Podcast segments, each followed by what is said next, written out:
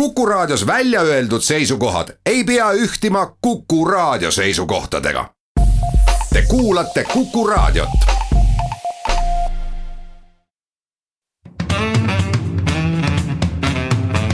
muuli ja Riikoja tere päevast, head kuulajad, kell on kaheksa minutit üksteist läbi, et on reedene päev, siis loomulikult ka saate Muuli ja Riikoja aeg, ehk stuudios on Kalle Muuli ja Hindrek Riikoja. tere päevast. alustame tänast saadet äh, rahandusminister Martin Helme Ameerika Ühendriikidesse toimunud visiidiga või siis täpsemalt selle ühe sihukese. ma ei oskagi öelda, kummalise, segase või teadmata asjaoludest tingitud väidetava kohtumisega advokaadibüroodega. mille mõte siis peaks olema selles, et kui Ameerika Ühendriigid hakkavad mõnelt suurpangalt rahapesu tõttu trahvi sisse nõudma, siis Eesti võiks osa sellest trahvirahast endale saada. teiseks räägime Keskerakonna manöövritest Tartus, Keskerakond on seal välja vahetamas oma uue piirkonna juhi eestvedamisel, Jan Toots on uue piirkonna juhi nimi oma kahte aselinnapead ja mitte ainult väljavahetamise ametikohalt, vaid, vaid isegi ühte neist erakonnast vist välja viskamas skandaali ja, ja konflikti on taevani. räägime ka Eesti Panga esialgsest kokkuvõttest seal valminud uuringust, mis siis puudutab teise samba reformi võimalikke mõjusid Eesti majandusele, Eesti inimestele, Eesti ettevõtlusele. neljandaks võtame jutuks veel kord äh, põhikooli riigieksamite ärakaotamise või allesjätmise riigikogu menetluses on siis äh, vastav seaduseelnõu, äh, mis on läbinud esimese lugemise ja, ja pärast seda on tekkinud päris suured õpetajate aineliitude protestid. ja saate lõpetuseks räägime kaitseväe plaanist ajateenistust mõnevõrra ümber korraldada. Muuli ja Riikoja.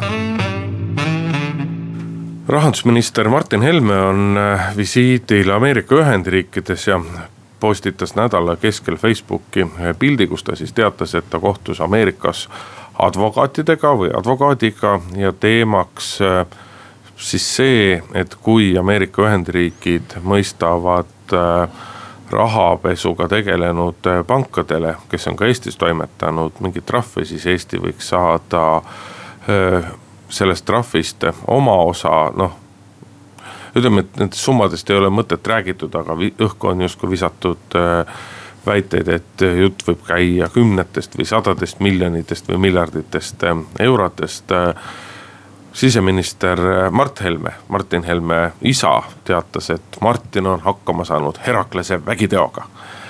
Kui me nüüd selle asja sisse muidugi vaatame, siis ega tõsi on see, et ega tegelikult Martin Helme esialgu pole siiski veel mitte millegagi hakkama saanud, et äh, ega ka ju valitsuskoalitsioonis ja poliitikute seas on nagu mõnda aega räägitud sellest, et kui kuskil nõutakse ka Eestis toimunud rahapesu eest sisse mingisuguseid trahve, siis äh, kuna see on nii-öelda mõjunud halvasti Eesti mainele, siis Eesti võiks mingi osa sellest trahvirahast saada endale.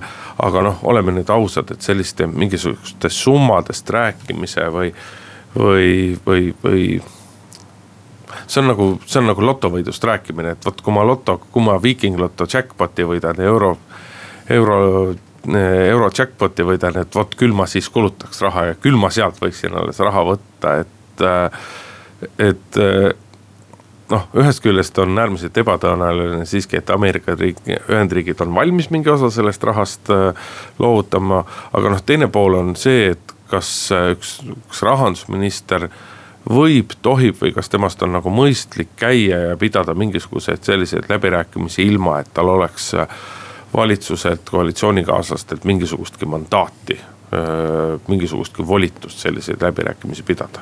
vot siin me nüüd oleme, et ma olen lugenud ajakirjandusest igasuguseid selliseid noh, kolmandajärgulisi küsimusi, et mis oli selle advokaadi nimi ja mis tänavanurgal see büroo asus. no ega ja, need nüüd päris kolmandajärgulised küsimused aga, ka ei ole. aga samal ajal me ei tea kõige tähtsamaid asju me ei tea isegi seda ja see, seda ma ütlen päris siiralt, mitte et ajakirjandus ei tea, vaid mina ka ei tea. kas Ameerika Ühendriikides üldse käib mingi kriminaalmenetlus selles asjas? et et äh, ma arvan, et Martin Helme esimene asi oligi uurida seda üldse, et kas Ameerikas käib kriminaaluurimine, kriminaalmenetlus äh, Danske panga äh, tegude asjus. meil on palju olnud uudiseid, et võib-olla algab ja võib ja, ja alustatakse ja mis iganes. aga tegelikult me ei tea, mis faasis ta on, kas ta käib üldse ja, ja kui kaugele on jõutud ja, ja kes seal siis kannatanud on kes, kes on need, kelle kasuks praegu siis seda äh, äh, summasid hakatakse välja mõistma? see tegelikult ei ole teada. et ma arvan, et see oli üks asi kindlasti, mida rahandusminister püüdis välja selgitada. kas selline protsess on üldse olemas ja kas me saaksime, Eesti riik siis kannatanuna sinna juurde, et kui see protsess on olemas, siis ilmselt mõistetakse seal summasid välja, juhul kui seal need süüteod ilmnevad, Danske pangalt Ameerika pankade kasuks ja kuna Eesti mainet on kõvasti kahjustatud, siis me saaksime võib-olla ka ennast sinna kannatanute rivvi panna ja olla üks, kelle kasuks siis neid summasid välja mõistetakse, see on üks asi, mis minu jaoks on oluline küsimus eh, mida, mida peaks kõigepealt selgitama, enne kui hakata mõtlema, et kas see advokaadi nimi oli eh, John või, või Bill või mis, mis see päris oli. ja teine. ma vahel muidugi ütlen, et et siiski ka need küsimused on ajakirjandusest läbi käinud, et kas on üleüldse reaalselt midagi. on mingisugust protsessi, mille raames me midagi võiksime taotleda. ja teine asi, mis ma ütlen, et kui räägitakse, et Martin Helmel ei olnud mandaati või et oleks pidanud olema, siis see on selgelt vale valitsuskabinet on seda arutanud ja valitsuskabinet on andnud rahandusministrile mandaadi äh, seda asja uurida minu paremal teadmisel siiski mingisugust konkreetset mandaati Martin Helmele antud ei ole, see tuli nii-öelda vähemalt osadele koalitsioonikaaslastele tuli see üllatusena, järsku nii-öelda ühest Facebookist eh, postitusest tõusnud teema.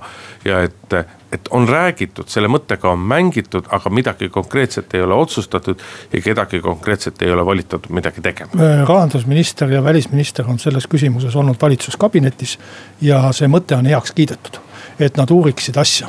no siis ja, räägivad erinevad, ei noh, üks asi on see, et kui räägitakse, et uuritakse, et uurime asja, aga kui mingisugused konkreetsed aga, sammud nagu. aga seda, seda, seda ta tegigi, et see, see käigu eesmärk oli tegelikult äh, teha kindlaks see, et kas protsess toimub ja kas meil oleks võimalik sinna juurde minna. Äh, ja, ja minu meelest on see igati väärt idee, juhul kui Äh, tõesti Ameerika sellise kriminaaluurimise korraldab või, või, või, või on juba korraldanud. Äh, äh, siis me peaksime kindlasti sealt kannatanutena raha taotlema.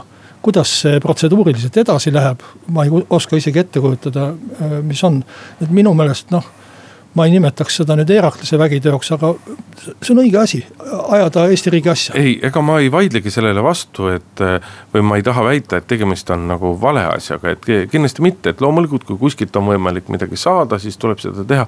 kummaline lihtsalt on kogu see, kogu see kogu see nagu asjade käik, et sinu koalitsioonikaaslased õigupoolest, et sa avaldad Facebookis pildi, et sa nüüd oled justkui midagi teinud koalitsioonikaaslased ei tea, mida sa teinud oled või kus sa käinud oled. kellest sa täpselt räägid, kui sa räägid koalitsioonikaaslastest? no ütleme siis noh, erinevatest noh, ütleme siis valitsusse kuuluvatest ja valitsusele, valitsusele lähedal seisvatest inimestest, kasutame siis. tahtes viita, viidata mitmele allikale. ma võin täiesti et, ütelda, rahan... et võib-olla mõni minister tõesti ei olnud sellel kabineti istungil ja ei ole hiljem ka kabineti materjale lugenud. et äh, rahandusministeerium ei tea, kellega ta kohtus, rahandusministeerium midagi nagu kokku ei ole leppinud et et, et, et kes selle siis leppis, kas, kas äh, mõni advokaat Eestist, eks ole, kelle käest küsiti mingeid kontakte.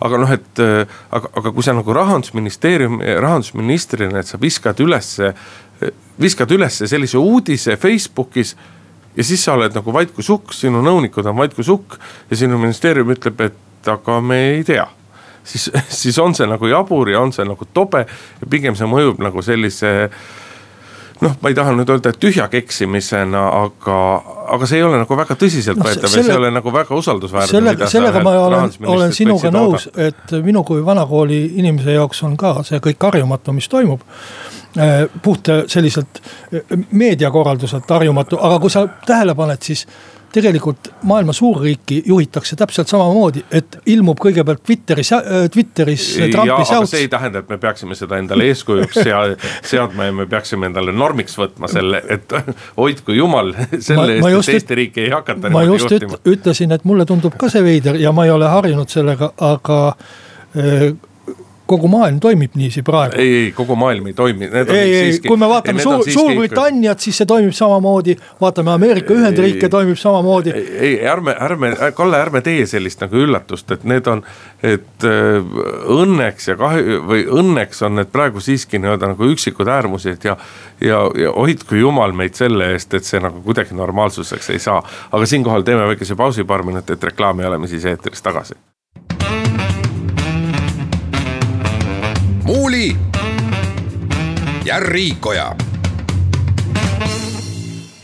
jätkame saadet äh, Indrek Riiko ja Kalle Muuli stuudios. Keskerakonnal on Tartus päris äh, huvitavad ajad tekkinud äh,.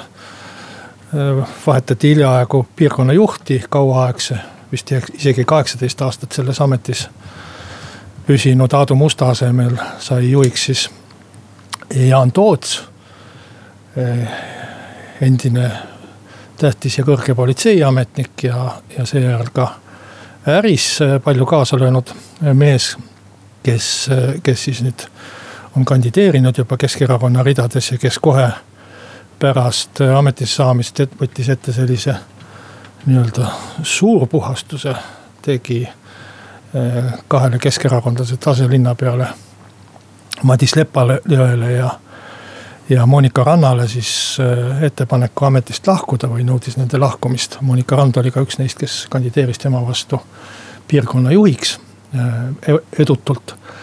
ja nüüd on siis jõutud selleni, et Keskerakonna Tartu piirkond on juba Monika Ranna äh, nii-öelda ka erakonnast välja visanud või taotleb tema erakonnast välja visa, viskamist. teinud ettepaneku, ütleme siis. Keskerakonna juhatus äh, ei ole seda küll heaks kiitnud aga kuna Monika Rand vähemalt ja tundub, et ka Madis Lepajõe vabatahtlikult ei lahku volikogu äh, poolt neile antud äh, aselinnapea kohtadelt, siis on, on oodata selliseid keerulisi aegu, keerulisi manöövreid, kuidas neid sealt äh, minema puksida ja mis siis edasi saab, selline päris suur ja avalik sõda on lahti. see on jah kummaline, et esimese hooga taheti minna seda teed, et lihtsalt nii-öelda äh, lihtsalt kutsutakse Monika Rand tagasi.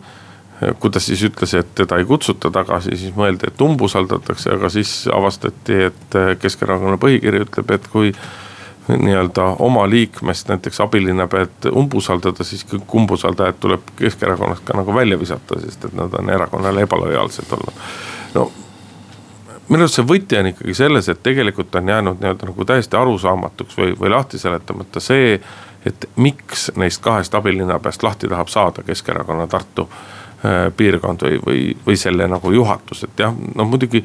Monika Ranna puhul tasub meenutada, et ega väga paljudel oli suureks üllatuseks, kui Monika Rand üleüldse Tartus abilinnapeaks saadi, sest et tema eelmine nii-öelda natukenegi silmapaistev töökoht oli Tallinnas munitsipaalpolitsei juhtimine, kus ta ju ka äh, lasti lahti lahti noh, peamiselt sellepärast, et nagu kuluaarides öeldi ja läbi lillede ka avalikult öeldi, et ta ei saanud väga hästi oma tööga hakkama.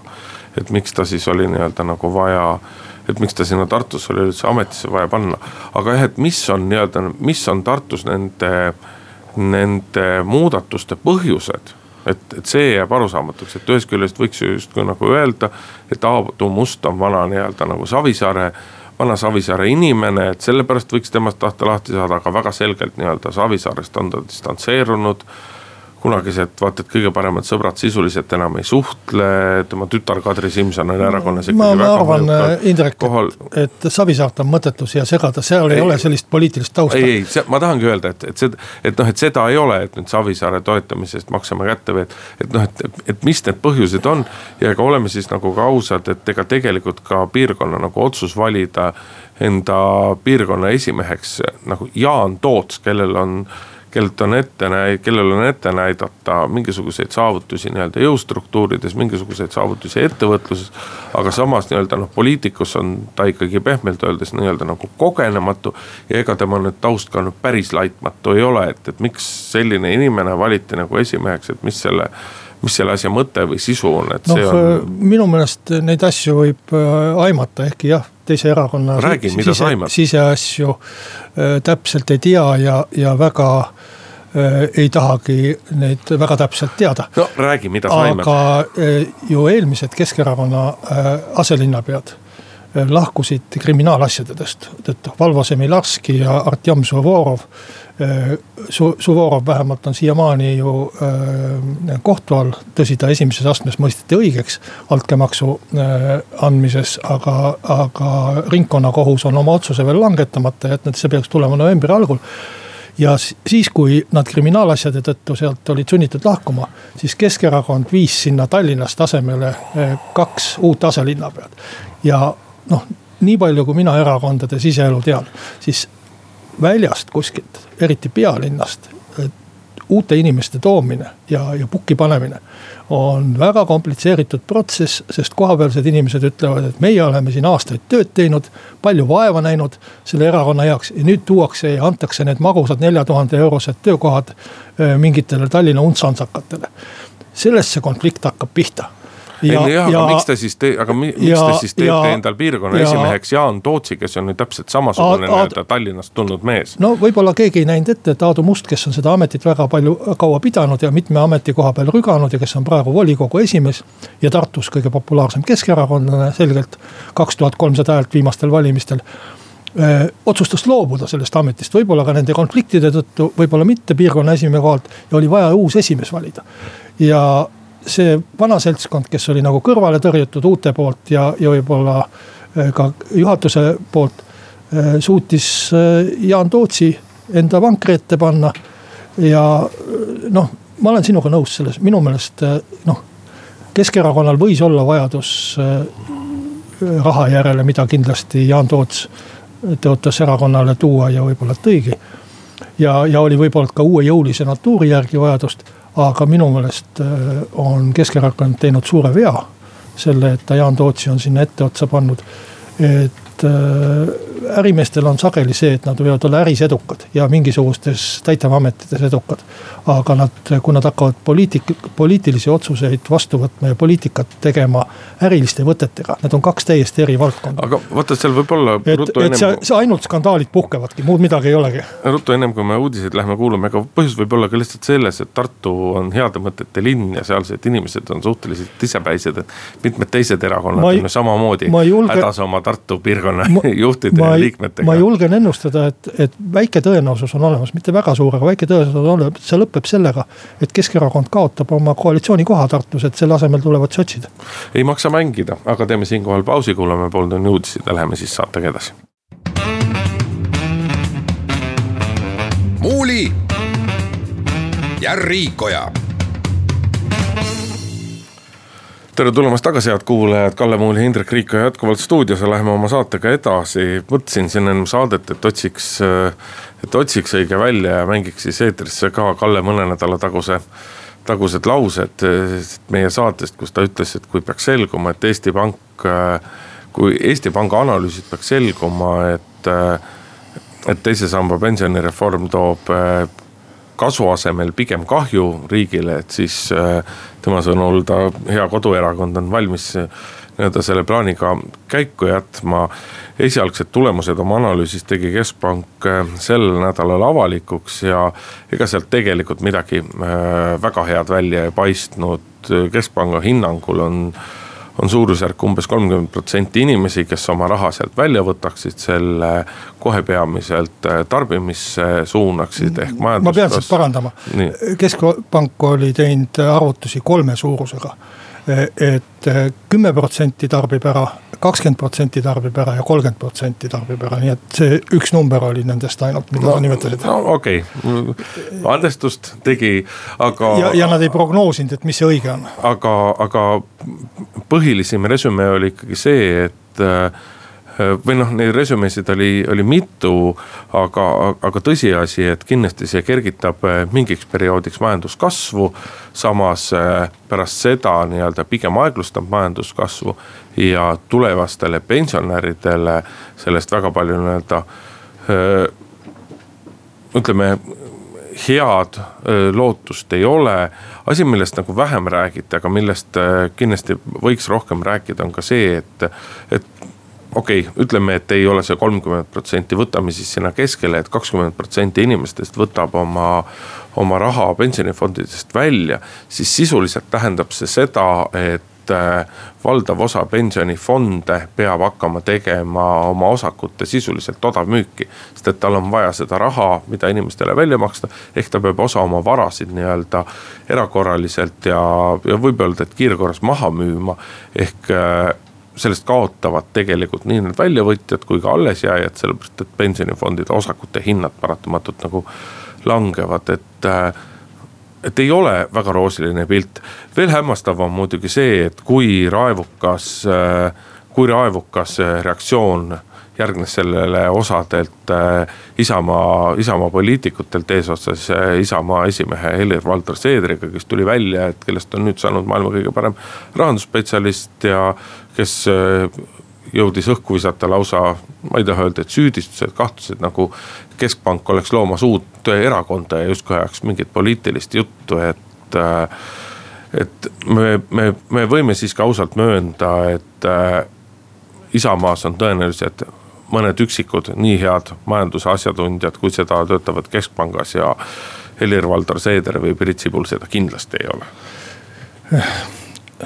viisakus, tead kõige nõmedam on see, et see on sihuke, see on sihuke ekrelik selline lahmiv, räuskav ja lihtsalt nagu sihuke ebaviisakas komment-, ebaviisakas suhtlemisstiil, süüdistamine ja see on nagu kõige nõmedam selle asja juures. kõige nõmedam on tegelikult see, et kus sa seda analüüsi näed? ma, mina olen kõiki neid dokumente lugenud, mida Eesti Pank näitas ja on oma kodulehel üles riputud. ma ütlesin, et tegemist ja. oli ka kokkuvõttega sellest analüüsist, et analüüs iseenesest avaldatakse mõne nädala pärast. tege-, tegemist on ühe kolmeleheküljelise paberiga. ma olen näinud rahandusministeeriumi poolt toodetuna ja valitsusse esitatuna palju põhjalikumaid ja palju korralikumaid analüüse. ja nüüd mul tekib küsimus miks peab keskpank, kui tal ei ole analüüs valmis, kui ta tuleb ja peaaegu esimese asjana ütleb, et meie analüüs valmib alles mitme nädala pärast. miks ta peab järsku sellise pooliku, tooriku toote välja viskama, kus, kus. tahad, ma seletan? ma, ma seletan seda ise, kus muuhulgas on tõesti päris ilmselgeid vigu. noh, mis algab sõnadega, et teine sammas kaob ära no see ei vasta tõele. keskpank ise arvestab nendes järgne, järgneval kahel leheküljel või kolmel leheküljel, et teine sammas jääb alles. aga see algab sõnadega, et kohustuslik kogumispension ja teine sammas kaob ära, tegelikult aga, aga nii ongi ju, tegelikult kohustusliku kogumispensioni teine sammas selle muudatusega kaob ära. tegelikult liitumine jääb kohustuslikuks ja automaatseks ja ma võin ütelda. ja aga inimesel ei ole kohustust seda säilitada, inimesel on võimalus sellest väljuda ja järelikult me ei saa rääkida kohustuslikust kogumispensioni teisest sambast. sest et sisuliselt on see vabatahtlik. kui me räägime äh, väljumisest, siis üle poole inimestest ütleb äh, küsitlustes, et nad jäävad sinna alles. teiseks, iga aasta tuleb kohustuslikus korras, liidetakse selle teise sambaga kõik uued tööturule tulijad ehk sisuliselt terve aastakäik inimesi, üle kümne tuhande inimese tuleb igal aastal juurde sellel kolmelt leheküljelt, mis ma lugesin, Indrek, las ma lõpetan oma lause ära.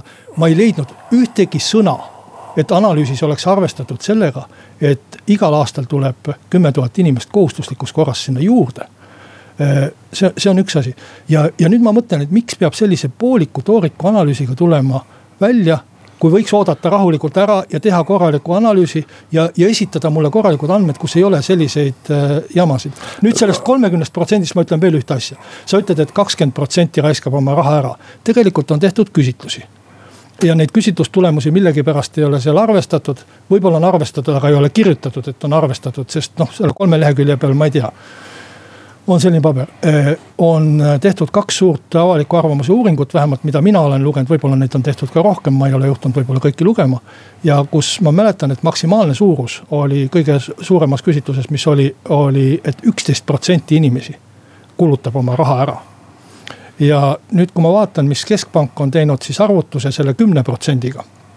üks nendest kolmest variantidest, siis see annab tulemuseks mille see annab tulemuseks selle, et aastal kaks tuhat kakskümmend üks kasvab Eesti majandus nelja protsendi võrra.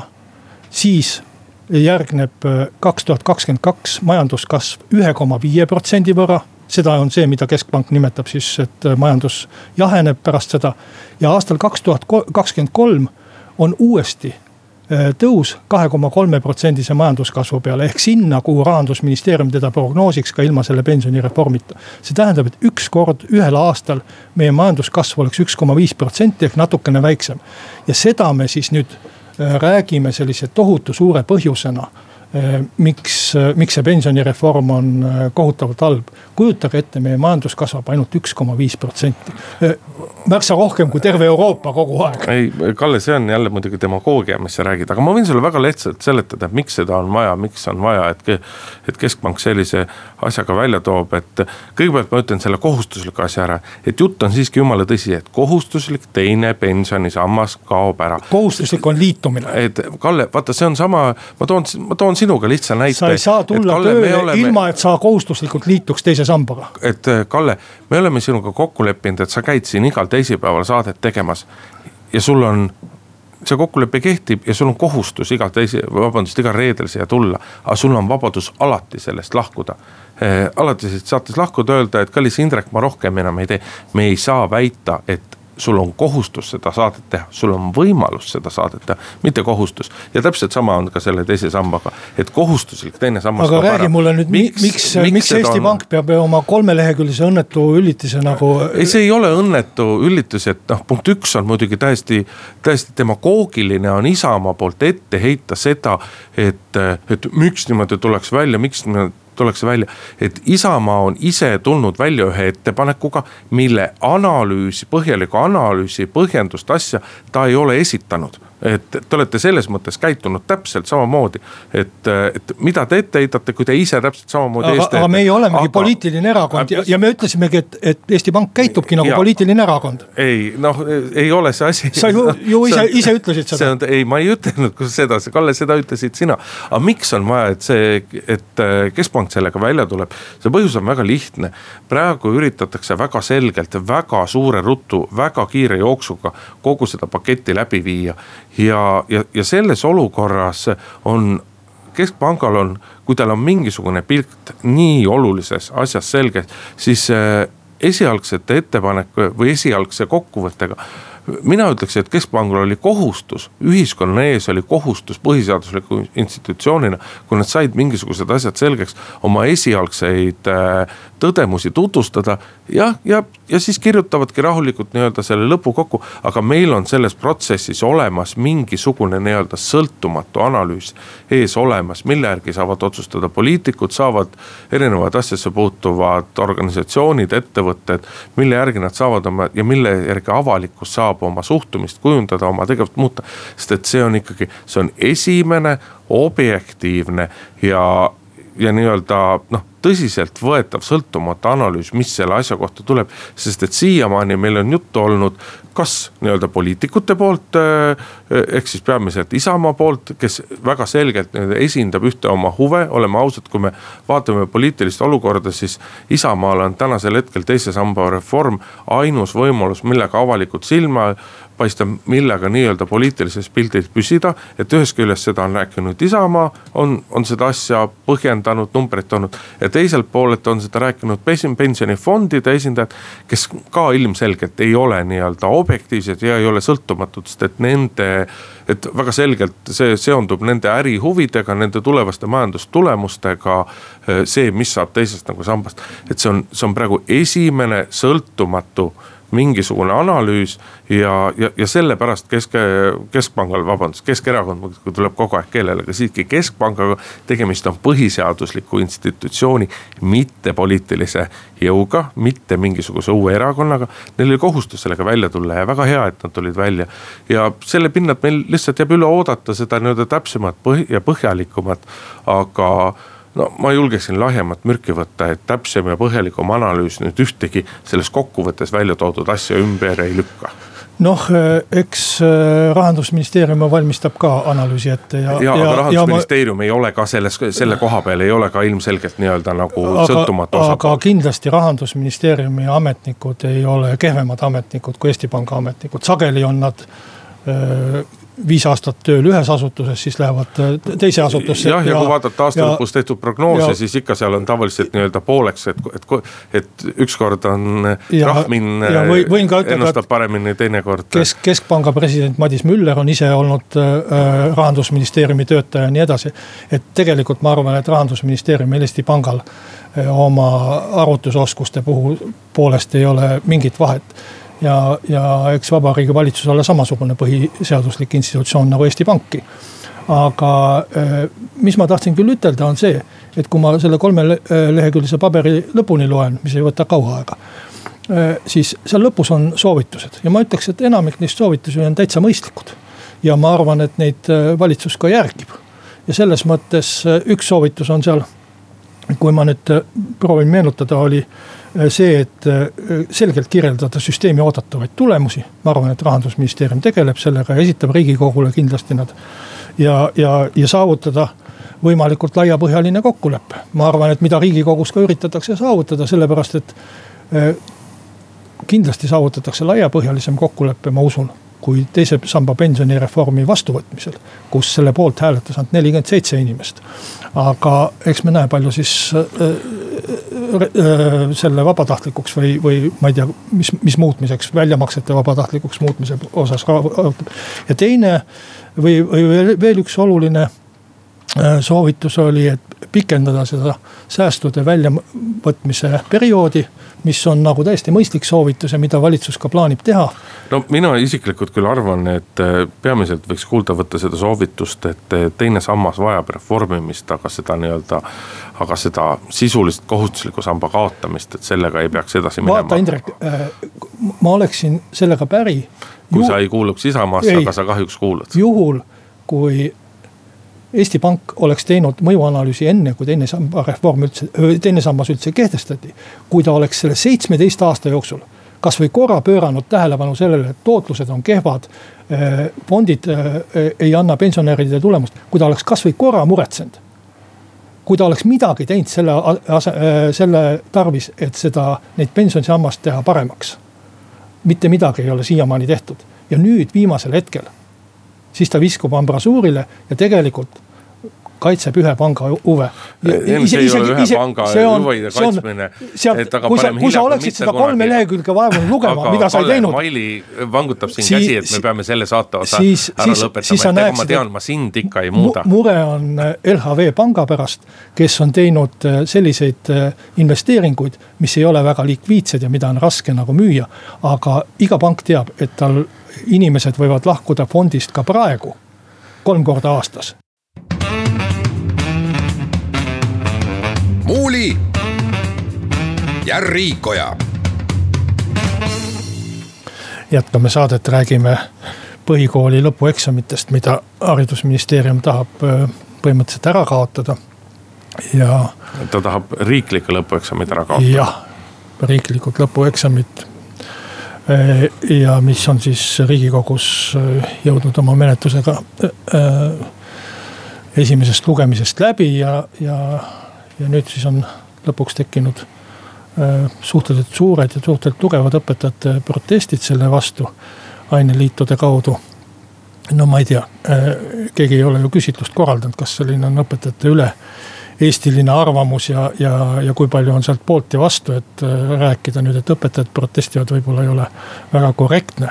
aga on, on õpetajaid ja on õpetajate esindusorganisatsioone, mis siis väga, äh, väga halvasti suhtuvad sellesse plaani jätta põhikooli lõpetamine iga kooli enda asjaks. et kuidas nad siis kontrollivad ja kuidas nad hindavad seda õpet-, õpilaste valmidust, aga noh, minu meelest selle ärakaotamissoovi taga on ükskõik, mis sinna juurde räägitakse, on tegelikult see, et üha rohkem ja rohkem on õpilasi, kes ei suudagi seda põhikooli riiklikku eksamit ära teha. Kukuvad seal läbi ja siis neile korraldatakse koolieksam, mille nad alati ära sooritavad, sest keegi ei taha jätta last ilma põhihariduseta. Ja noh, selline olukord muidugi devalveerib ka siis riigieksamite väärtust, kui sa saad saad äh, järgmisel päeval peale läbikukutud riigieksamit äh, endale ikkagi nagu tunnistuse kätte ja eksami tehtud ho. hoolimata sellest, et, et, et, äh, et noh, tegelikult sa ikkagi ei oska ja tegelikult lihtsalt koolid päästavad ära, noh selline. selline olukord, mina isiklikult kuulun nende sekka, kes pooldab eksamite tegemist, ma ei tea, kas need peavad nüüd olema riigieksamid. aga teadmisi peab, peab kontrollima ja lapsed peavad pingutama ja, ja vähemalt minu elus on küll olnud nii, et äh, kõige rohkem olen ma õppinud siis, kui on eksam ees. ja, ja ma arvan, et, et kõige rohkem äh, teadmisi olen ka omandanud tänu sellele, et on vaja olnud valmistuda igasugusteks eksamiteks. no vot see, eks see on nagu kahe otsaga asi, et kõik me oleme õppinud eelkõige eksamite jaoks, aga ega samas tõsi on on ka see või, või õigus on ka nendel, kes ütlevad, et, et inimene peaks ikkagi õppima selle jaoks, et see tal pikaks ajaks nagu meelde jääks ja nii-öelda pika perioodi jooksul õpet õpitu ja pidevalt üle korratu jääb nagu paremini meelde kui sihukese hetkeline nii-öelda puhas tuupimine ennem eksamit kui see ettepanek välja tuli, siis alguses jäi ka mulje nagu eksamid päris ära kaoksid, siis rahustati inimesi maha, et ei, et koolieksamid jäävad, et. minul tekivad kahetised tunded, et ühest küljest äh, ma arvan, et riigieksamid on paremad, sellepärast et nad on ikkagi teatud mõttes nii-öelda standardiseeritud, me saame nagu parema ülevaate sellest. aga ma ei saa päris täpselt aru, miks õpetajad seda nagu kritiseerivad, sellepärast et oleme ausad, need riigieksamid on ju paljuski tulnud sellepärast, et riik ei ole usaldanud kooli ja ei ole usaldanud õpetajaid. ja on just nimelt peljanud seda, et käib selline iga hinna eest läbivedamine, käib sihuke oma justkui nii-öelda eksami tulemustabelis esile tõstmine ja sellepärast riigieksamid on tehtud.